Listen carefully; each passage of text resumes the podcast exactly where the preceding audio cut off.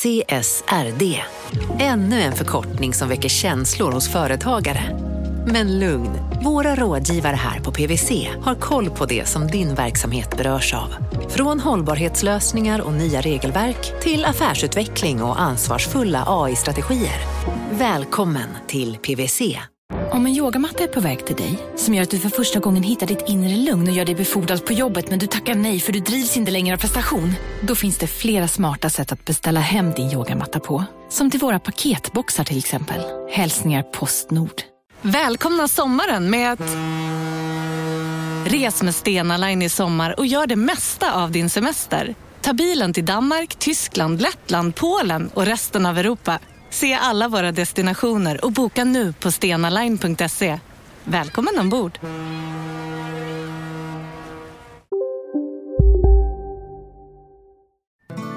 Hej Gunnar. Hej Åsa.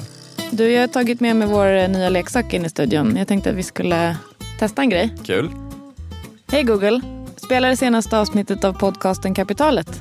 Jag vet inte riktigt hur jag kan hjälpa till, men med hjälp av mitt team lär jag mig mer. Hej Google. Spela det senaste avsnittet av Kapitalet, en podd om ekonomi. Ursäkta, jag förstår inte. Alltså jag skulle säga att det går sådär. Jag är så besviken på den här högtalaren. Vi har hållit på med den här i veckor och eh, vi har verkligen, verkligen, verkligen försökt att få spela ett enda avsnitt av vår egen podd. Och den bara gör inte. Den gör inte. Vi älskar inte den här nya leksaken. Alltså, jag trodde kanske inte att den här liksom skulle förändra mitt liv i grunden. Men jag tänkte att den kanske skulle kunna vara i alla fall lite bra till någonting. Ja men det trodde jag också. Jag läste häromdagen att 23 procent av alla vuxna amerikaner, vilket alltså är 65 miljoner människor, har en smart högtalare. Och då undrar man ju, funkar det så här dåligt för dem? Den kanske funkar bättre på engelska. Jag inte. Kanske, det är sant. Eh, Men jag tänker att det finns eh, två problem med de här smarta högtalarna. Det första är såklart att de suger. Mm. Eh, Eller den svenska i alla fall, vi vet ju inte eh, om den engelska är mycket bättre.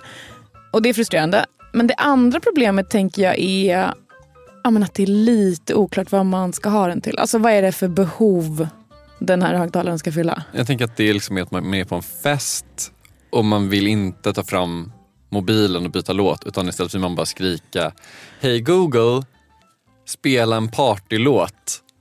Spelar party på Spotify.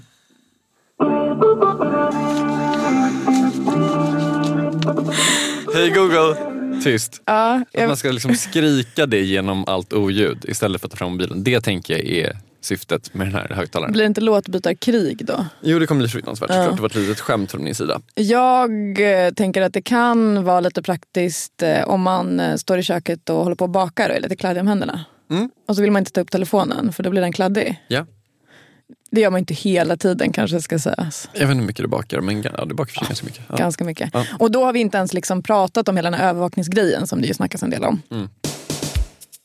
Men det här är ju inte första gången som man lanserar en produkt ja, men som kanske inte funkar superbra och som man kanske inte har så här benkoll på att det finns ett behov av. Ja, det var tekniken då som vi lanserade framåt. Det här är evighetsmaskinen. Det, ja, det kan vara mycket och du kan, eh, du kan stå ute. Eh, den cykeln jag har här med mig idag, den har stått ute i 35 år. Va? Man ser nästan inte på den att den har gjort det. Det var den biten. Så efterfrågan fanns ju egentligen inte om en ny cykel i plast. Nej, eh, efterfrågan på en cykel i plast i början på 80-talet var kanske inte enorm. Men det är bara en del av förklaringen till att eh, plastcykeln inte blev någon succé. Jag heter Åsa Secker. Och jag heter Gunnar Harjus. Idag handlar kapitalet om en cykel som alla ville ha, förutom de som skulle köpa den. Historien om Itera, evighetsmaskinen som knappt hann fylla fyra. Efter det här. Vi sponsras av Storbrand Asset Management som ju förvaltar över 1000 miljarder norska kronor, bland annat för SPPs eh, många pensionssparare. För två år sedan så investerade Storbrand i drygt 60 tåg, alltså tågvagnar, eh, som rullar mellan London och Skottland. De leasar sedan de här tågvagnarna till tågoperatören som alltså kör tågen och säljer biljetter och sånt eh, med ett avtal på 27 år. Så britterna får nya fina tåg och Storbrands kunder, eh, däribland alltså SPPs pensionssparare, får en inflationsskyddad avkastning med låga risker under lång tid. Det här är ett av supermånga exempel på hur pensionskapitalet i växande omfattning bidrar till att bygga samhället och inte minst till att klara klimatmålen. Det behövs elproduktion, elnät, batteriparker, nya transportlösningar och allt möjligt. Bara i Europa antas investeringsbehovet för att klara klimatmålen uppgå till tusentals miljarder dollar. Och det här är ju pengar som ganska ofta saknas i statsbudgetarna. Däremot är det här pengar som pensionsbolagen kan vara med eh, och stoppa in, vilket ger pensionsspararna en fin avkastning under lång tid samtidigt som man är med och ställer om samhället. Vi har gjort ett helt avsnitt om det här eh, som man kan lyssna på. Det publiceras här i Kapitalet i mitten av maj. Ratta gärna in det om ni vill lära er mer om hur det här funkar. Men tack säger vi till Storbrand Asset Management som ju investerar i alla tänkbara tillgångslag, bland annat för pensionsbolaget SPP. Och tillsammans försöker ju vi, Storbrand och SPP, öka medvetenheten om hur pensionerna funkar och vilken roll pensionerna spelar i samhället och i ekonomin.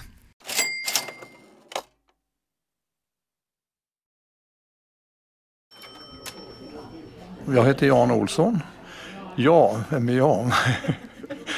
Jag är en, en äldre man som eh, har gjort ganska mycket i mitt liv. Bland annat har jag gjort en cykel i plast. Eller först så försökte Jan Olsson faktiskt göra en bil eh, i plast alltså. Och det här var på 70-talet när han jobbade på Volvo. Vi skulle då kanske titta på att göra en commuter car, alltså en liten bil. Jag tänker typ en smart car. Fast fräckare, fast snyggare, sportigare. Och eh, med full klass inne så att den direktören utifrån Örgryte kan sätta sig i bilen och fin miljö och åka in på en sportig bil och sitta ensam i bilen och köra. Så en liten bil. Och den ska göras av aluminium och plast och den ska tillverkas i Norge. Det här var alltså i samma veva som planerna på det så kallade Norgeavtalet fortfarande var vid liv. Och Norgeavtalet kan vi säga var att Volvo skulle sälja delar av företaget till norska staten i utbyte mot att de skulle få vara med och borra efter olja. Exakt. Men det här sa ju då aktieägarna nej till. Det gjorde de. Det blev inget med det. Eh, till PG Gyllenhammars förtret ska väl sägas.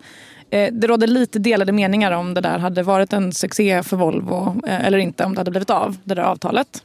Men innan de här planerna gick i stöpet så hade man alltså ändå hunnit kicka igång arbetet med den här plastpendlarbilen som direktörerna i Örgryte skulle glida omkring i. Vi tog fram en liten prototyp av den här och en liten modell av den prototypen finns också på Volvomuseet idag, den bilen. Och jag gissar att det här med att den skulle göras i just plast, det hade med den norska oljan att göra. Precis, råvaran i plast är ju olja. Men det här Norgeavtalet eh, spricker så det blir inget med det. Och då sitter Jan Olsson där med sina kollegor på Volvo och funderar på vad de ska göra med alla sina nya skills. Vi satt ju då på produktplaneringen på Volvo så vi visste ju liksom tendenserna framöver. Och vi hade hela Volvo bakom oss, kunskapen i det. Så vi sa, titta på vilka, nu har vi en unik kunskap här. Vi har en plastkunskap, det var, plast det var nytt då som material, konstruktionsmaterial. Vi har aluminiumkompetens, vi har den tekniska kompetensen, vi har möjligheter. Vad gör vi utav den kompetensen? Ja, eh, vad gör man när man kan en massa saker om hur man bygger en bil av plast och aluminium? Man bygger något annat av plast och aluminium. Korrekt. Okej, okay, det var det närmsta en bil vi kunde komma faktiskt. Ett fordon. En cykel var det. De ska alltså bygga en plastcykel som de väljer att kalla för Itera. Eh, men det här med plasten då. Eh, vi behöver lite Dustin Hoffman för att komma i stämning yes, tror jag. Are you listening? Yes, I am. Plastics. Exactly how do you mean? There's a great future in plastics. Think about it. Will you think about it? Yes, I will. Just a great future in plastics känns idag kanske lite avlägset. Ja, absolut. Men eh, annat var det när eh, The Graduate kom 1968. Eller eh, enligt Mr Maguire i filmen i alla fall. Eh, plast hade liksom fått värsta uppsvinget efter andra världskriget. Plastics will play as large a role in peace as they do in war. Man hade tillverkat en massa krigsrelaterade grejer av plast. Typ fallskärmar, olika delar av flygplan. Plastic, plastic, plastic. Efter kriget, då vill man såklart fortsätta göra grejer i plast. Eller företagen som hade tillverkat en massa grejer i plast ville det i alla fall.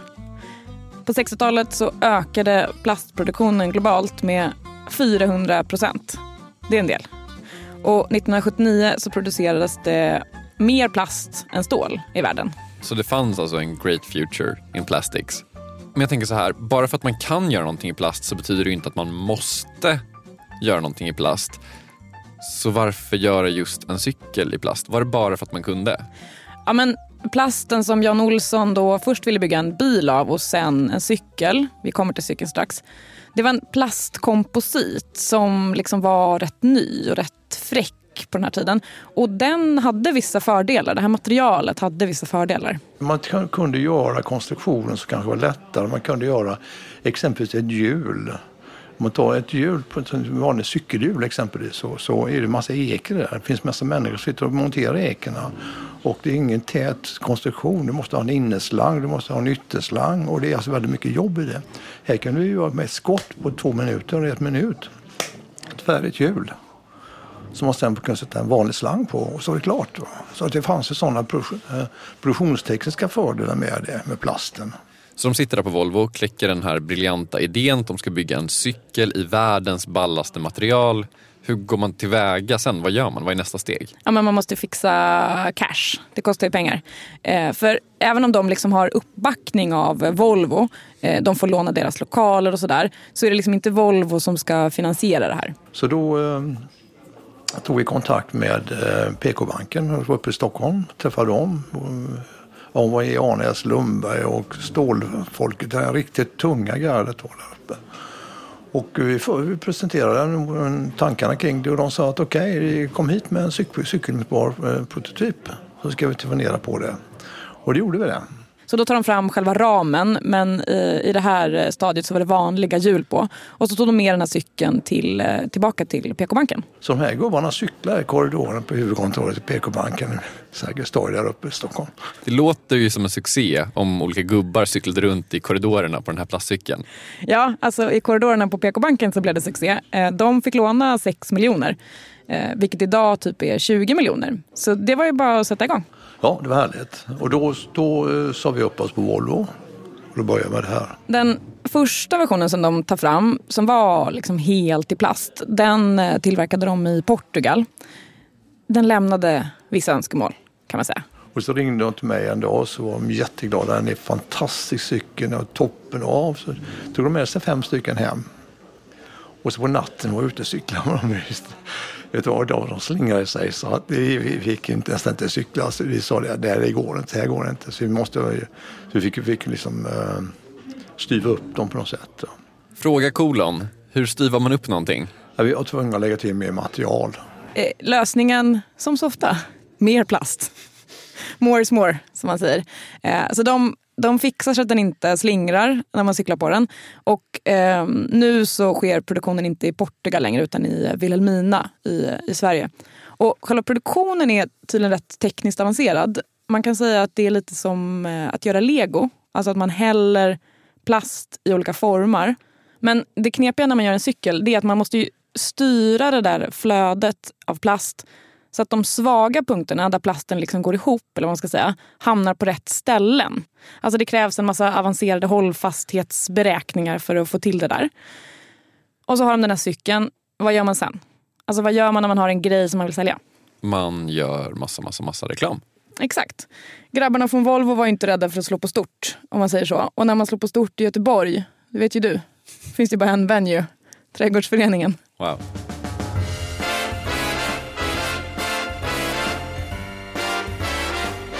Det var ju så här att det var ju två stycken stora, eller ett par stycken stora eh, tillverkare av cyklar. Och de hade hela marknaden och vi måste slå oss in där.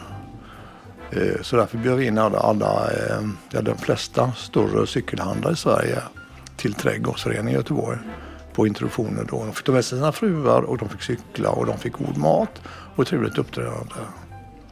Så att, och det var ju kostsamt det också i och för sig. Men å andra sidan så var det vår enda chans egentligen bryta in och få tag i de personerna och det var att bjuda dem på, på det här och de kom en masse. Okej, men lyckades de skärma cykelhandlarna med den här goda maten och det trevliga uppträdandet?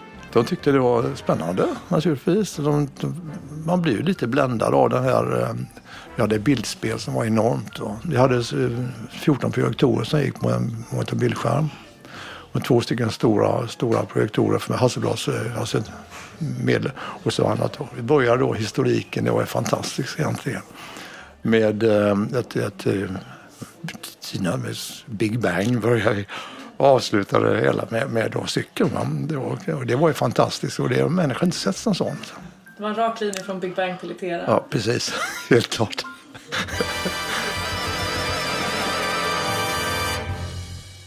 De hade alltså ett flådigt bildspel och massa god mat. Men alltså så här, Big Bang till cykeln, är det det som är pitchen? Liksom Big Bang-cykeln? Eller, eller vad, är, vad är pitchen? Ja, men pitchen är att det här är en evighetsmaskin. Det skulle leva i evighet faktiskt. En sån cykel skulle kunna... Eh, plasten bryts ner ganska långsamt så det skulle kunna ha den, ha den, ha den, leva länge. Jag gillar ändå att de vill få det att låta som att det här är en revolutionerande och ny grej. Det är ju fortfarande bara en cykel. Eller, alltså, jag har ju sett bilder, den ser, inte, den ser ju lite annorlunda ut, den ser inte helt annorlunda ut från en vanlig cykel. Nej, alltså man ser att det är en cykel. Eh, ramen, hjulen, styret är ju i plast då. Eh, ramen är ganska låg eh, och alltså jag vet inte om bred är rätt ord. Tjock kanske, den är liksom bred på höjden om du förstår. Mm. Eh, och så är styret lite så här Y-format. Jag tycker att den påminner ganska mycket om de här lånecyklarna eh, som fanns i Stockholm förut och i andra städer också. Eh, I Stockholm så stod det Alvedon på dem ganska länge. Eh, det här var ju innan elskoterinvasionen ska sägas. Innan Voi-eran. Innan Voi-eran. Um, nej men de körde benhårt på det här evighetskonceptet. De satte till exempel in stora annonser i tidningen. Copyn är rätt fantastisk. Jag hittade en av de här annonserna. Vill du höra lite? Ja. Citat. Vi har lyckats. Nu finns den. Cykeln som är rena, rama evighetsmaskinen. Itera-cykeln. Långt slitstarkare och hållbarare än alla andra gjord av samma material som rymdraketer, satelliter och jetflygplan. Tål väder och vind, hetta och kyla och omild behandling på gränsen till det otroliga. Okej, men det, det är ändå en bra pitch. På gränsen till oemotståndlig är den. Alltså vi, eh, vi är ju journalister. Så det, jag tror att det är så här, det är ändå små röda flaggor som liksom poppar upp i huvudet när någonting låter lite för bra för att vara sant. Mm. Och vad gör man då? Så då testar man ju, är det här för bra för att vara sant? Exakt, man går till källan, eh, man skaffar sig förstahandskunskap. Eh, jag var tvungen att testa att cykla på den här cykeln. Får man rulla några meter eller? Absolut. Ja, jag testar. Ja. Det är inget i luften för ringarna. Nej. Men man måste ju få känslan här. Nu ska vi se, är det, det är handbroms, det är inte fotbroms? Jo, men det verkar det som. Här, här nyper den åt. nu cyklar jag på en livslevande Itera-cykel. ja, det wobblar lite. Jag vet inte om den fastnade där. Eh, jag kallar den här cykelturen för eh, Underbart i kort. Mm, det är titeln på cykelturen. Exakt. För Jan Olsson som jag, som jag träffade i Göteborg, han hade ju såklart med sig då en Itera-cykel när vi träffades. Det var ett eh, sandfärgat exemplar. Han menar att den har stått utomhus i 35 år. Och jag lyckades alltså cykla ja, men cirka 10 meter. Eh, sen tog det stopp. Jag tror att det kanske var kedjan som hade rostat fast. Kedjan är ju inte i plast, så den har väl inte älskat att stå ute i 35 år. Men den gick att cykla på. Hur var upplevelsen de här 10 metrarna?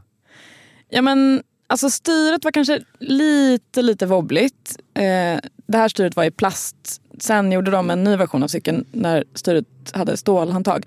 Men alltså ramen var ju stabil som 17. Den var inte slingrig alls. Eh, så jag skulle säga att det kändes ganska mycket som en helt vanlig cykel. Det vill säga att du är cykelentusiast också? Exakt. Så att din, din recension betyder någonting.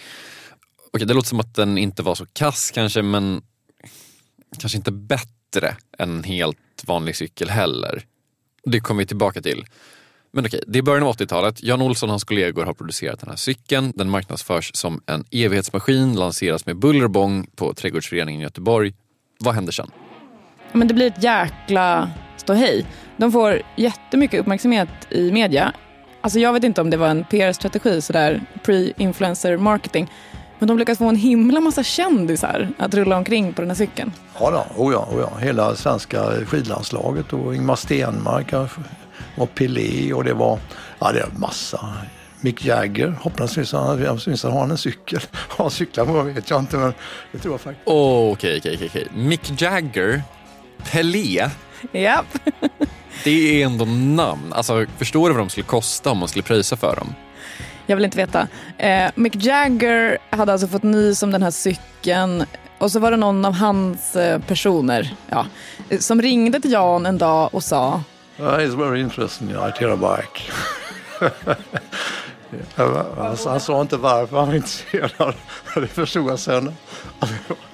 Det som Jan förstod sen var alltså att Mick Jagger eventuellt ska ha sagt typ det här är den fulaste cykeln jag har sett, jag måste ha en. Eh, det finns också en historia eh, med den amerikanska före detta presidenten Jimmy Carter som var i Stockholm och fick se en reporter som var ute och gjorde något slags inslag eh, om den här cykeln eller skrev någon artikel eller något. Och, och så ser Jimmy det här och bara, nej men kan inte jag få testa? Och det där hamnar såklart eh, på bild. Eh, så att eh, the hype was real kan man säga. Det är ändå bra kändisar. Det är A-lista liksom. Pelé, Jagger, Jimmy Carter. Tre, tre starka kändisar.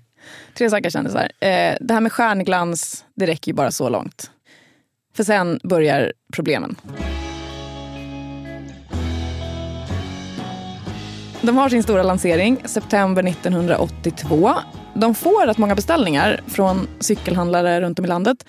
Jan har inte liksom exakt koll på hur många det var men han tror att det var mellan 50 och 60 000. Men ungefär samtidigt så inser de att de eh, måste göra några korrigeringar till själva konstruktionen. De har, liksom, ja, men de har upptäckt några grejer som de vill fixa. Så när alla de här beställningarna har kommit in så är cykeln liksom inte klar. Det var, inte, det var frustrerande för alla ringde och frågade när kommer det? Det var inte kul. En mardrömsstart. En mardrömsstart. Och man vet ju hur det är när en liksom negativ story får lite spin. Ja, men då är det svårt att få stopp på det. Men, men förutom att den var försenad, var cykeln inom citationstecken bra? Eller fanns det andra problem också?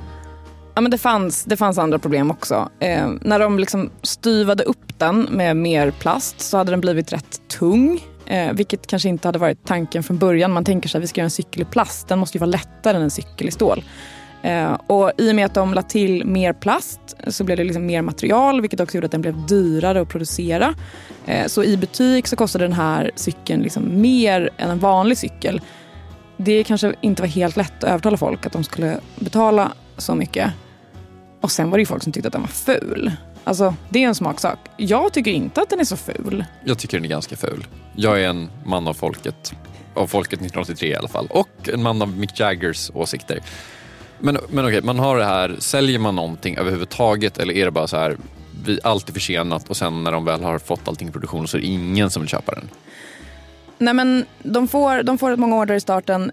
Det är ganska många som avbeställer när den är flera månader försenad. Eh, och medierna tappar intresset. Så ja, men resultatet blir att kommersiellt sett så var det ju katastrof naturligtvis. Och med kommersiell katastrof eh, så menar Jan att de hade gått ut i media med att de trodde att de skulle ha en årsproduktion på runt 100 000 cyklar. Och det slutar liksom med att de producerar runt 20-30 000. Och hur många av dem som sen faktiskt blev sålda, det vet han inte riktigt. Och med vet han inte riktigt menar han kanske inte alla? Garanterat inte alla. Nej, okej. Okay. Ja, men ändå ett snabb det är ett snabbt fall från lovande evighetsmaskin till kommersiell katastrof får man säga. Ja men det får man ändå säga. De börjar sälja eh, den här cykeln några månader sent då, efter årsskiftet 1983. Redan 1985 så stänger de ner produktionen i Vilhelmina. Eh, så ja, det gick snabbt. Nej, det var inte mycket att göra åt. Va? Det fanns liksom inte... Vi hade inte resurserna, att, att, eh, ekonomiska finansiella resurserna att, att uh, överleva helt enkelt. Men om man bortser från de där grejerna som gick fel med tyngden och förseningen och alltihopa. Så hade de ju egentligen ett mycket större problem. Vilket problem? Ja, men det tar vi efter det här. Kapitalet sponsras av Master Exchange, plattformen där du som privatperson kan investera i låtar och får pengar varje gång de här låtarna spelas. Eh, vi berättade ju senast eh, om barnlåten Puff the Magic Dragon som noterades av Master Exchange under våren. Nu har utdelningen på den låten kommit, eller royaltyn som vi säger i musikbranschen. Eh, den ligger på drygt 12% i årstakt och det här är ju en avkastning som är helt okorrelerad till börsen. Till och med Goldman Sachs har börjat skriva om just musik som investering just ur det här perspektivet. Nu finns en möjlighet att investera i en ny låt. Eh, låten heter Boss Bitch och den är av Doja Cat eh, som, eh, alltså jag ska inte säga att jag är superdeep här men eh, det är ändå en, en, person som jag vet om det är. En, en världskändis. Den här låten gav baserad på förra årets spelningar en avkastning på drygt 13% Master Exchange har just nu en väntelista på registreringar. Det, det, går lite för bra för dem kan man säga. Men skriver ni in kapitalet som promo code så kan ni runda kön och ansöka om andelar i låten Boss Bitch ändå. Om ni investerar helt vanliga pengar, det är inget krypto eller sånt där. Så vill du investera i musik och få en avkastning som är helt okorrelerad med börsen och kanske inte minst eh, för att det är kul att äga låtar eh, så kan man gå in på masterexchange.com och använda kapitalet som promocode så går man alltså förbi kön. Kom ihåg dock att alla investeringar är förenade med risk men vi säger stort, stort tack till Master Exchange. Kapitalet sponsras av Karla, Jakob. Ja, bilar igen. Ja, det är eh, härligt. På Karla kan man sälja sin elbil eh, på det gissningsvis smidigaste sättet i Sverige Eh, Karla har ju ett nästan ett komiskt högt användarbetyg på Trustpilot. Mm. 4,8 av 5, vilket jag typ aldrig hört talas om. Nej, det är väldigt, väldigt högt.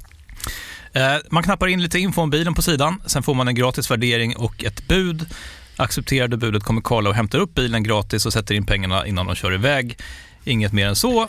Rätt fantastiskt. Nej, det är faktiskt ja. helt otroligt. Och eh, det kan bli ännu mer eh, otroligt än så. Eh, för att vi har nämligen en rabattkod som ger dig 2000 kronor extra för bilen. Så att om du säljer din bil så får du två lax extra. Stämmer. Bara sådär. Koden är Monopol och eh, den uppger du när du har värderat bilen och eh, pratat med Karlas inköpare. Koden är giltig till sista maj så att passa på om du går i säljartankar. Jag undrar om vi haft en kod som har gett två lax bara sådär någon gång.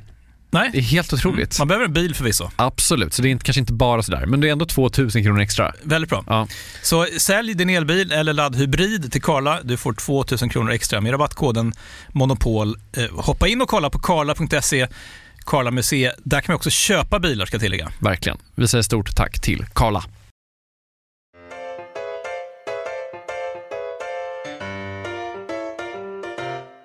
It's just wasn't something people wanted or could something that people could be made to want. Vem är det här? Det här är Tina Mennister Funk. Hon är teknikhistoriker på Chalmers i Göteborg. Ett av hennes specialområden är just eh, cyklar, eh, tur för mig. Hennes nästa projekt är kopieringsmaskinen. Så kul jobb! Verkligen. Eh, det hon säger här, det är ju lite grann pudens kärna. Det som nog ändå var Iterans största problem. Det fanns inte något behov av en plastcykel. Nej, men när man tänker på det så känner man ju verkligen exakt det. För de har ju inte de har inte revolutionerat cykeln som transportmedel. Det är fortfarande att en cykel är en cykel. Du behöver, du behöver ju fortfarande trampa. Ja men exakt. Eh, Tina menar att det här är ett typiskt exempel på en produkt som är liksom industridriven. For me it looks like they actually didn't originally want to reinvent bicycle. They just really wanted to use these plastic composite materials and they wanted to find something to do with this material. So then they thought about bicycle.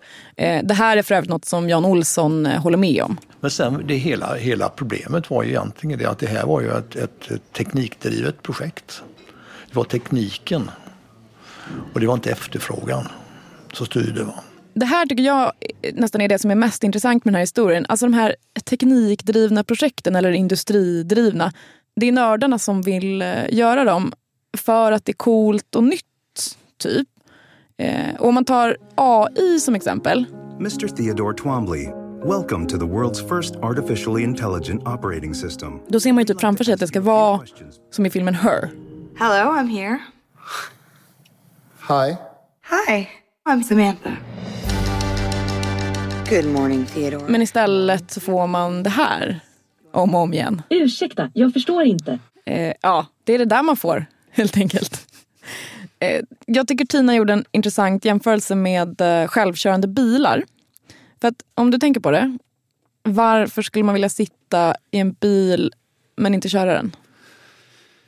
Eh, för att man, jag vet inte, man kan sova under tiden. Man slipper anstränga sig i alla fall. Och sen tänker du på exakt alla bilreklamer. Vad är grejen med bilkörning?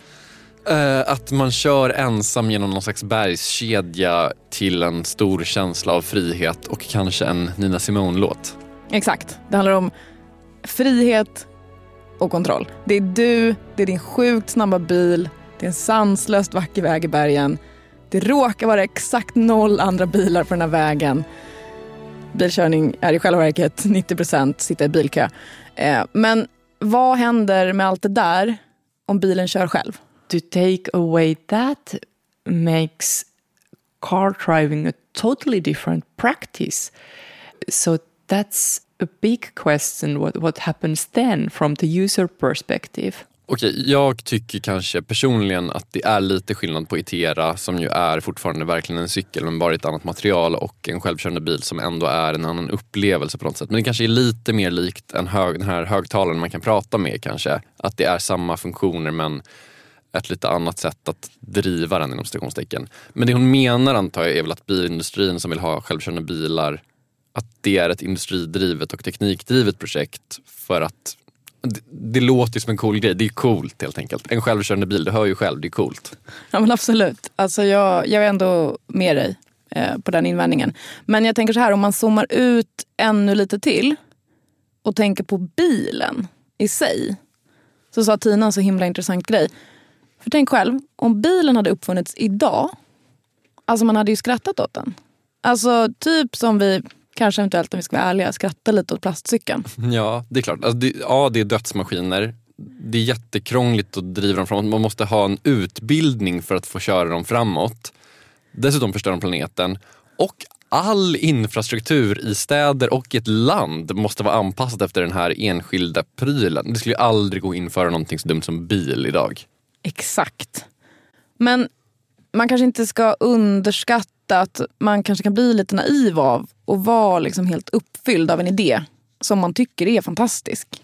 It got this kind of uh, some kind of life of its own. This project that they they, they started it and then they got some money and they, they just went on and on and then somehow you want to believe in it also. so so so there are many reasons. It, probably it didn't look stupid to them at all and and there was media interest and everything.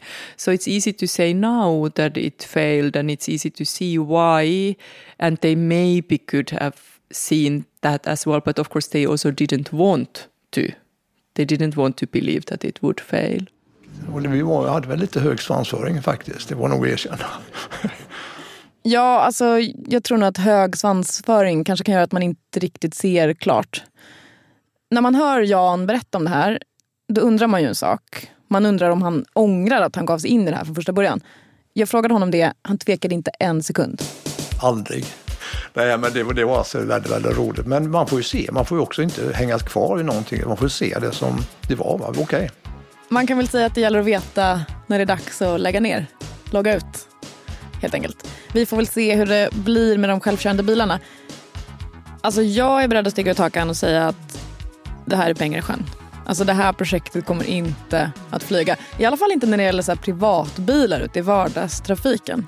Men vad tror du? Det spelar ingen roll vad jag tycker. Vi låter marknaden styra va? Hej Google. Vad är aktiepriset på Ambarella? Priset för Ambarella sjönk med 1,7 procent till 42 dollar och 99 cent igår. Men det är neråt. Det är någon sån självkörande bil-chip-grej typ. Eh, Men lite neråt. Okej, men då är, då är jag med dig. Det kommer aldrig flyga. Och med den träffsäkra framtidsspaningen så är kapitalet slut för idag. Slutmixen stod Kristoffer Krook för. Jakob Bursell är fortfarande vår chef. Produktionsbolaget som gör den här podden heter Monopol Media. Följ oss gärna på Instagram. Där heter vi Kapitalet. Där finns såklart bilder på den här evighetscykeln. Tack för idag. Hej då. Hej då.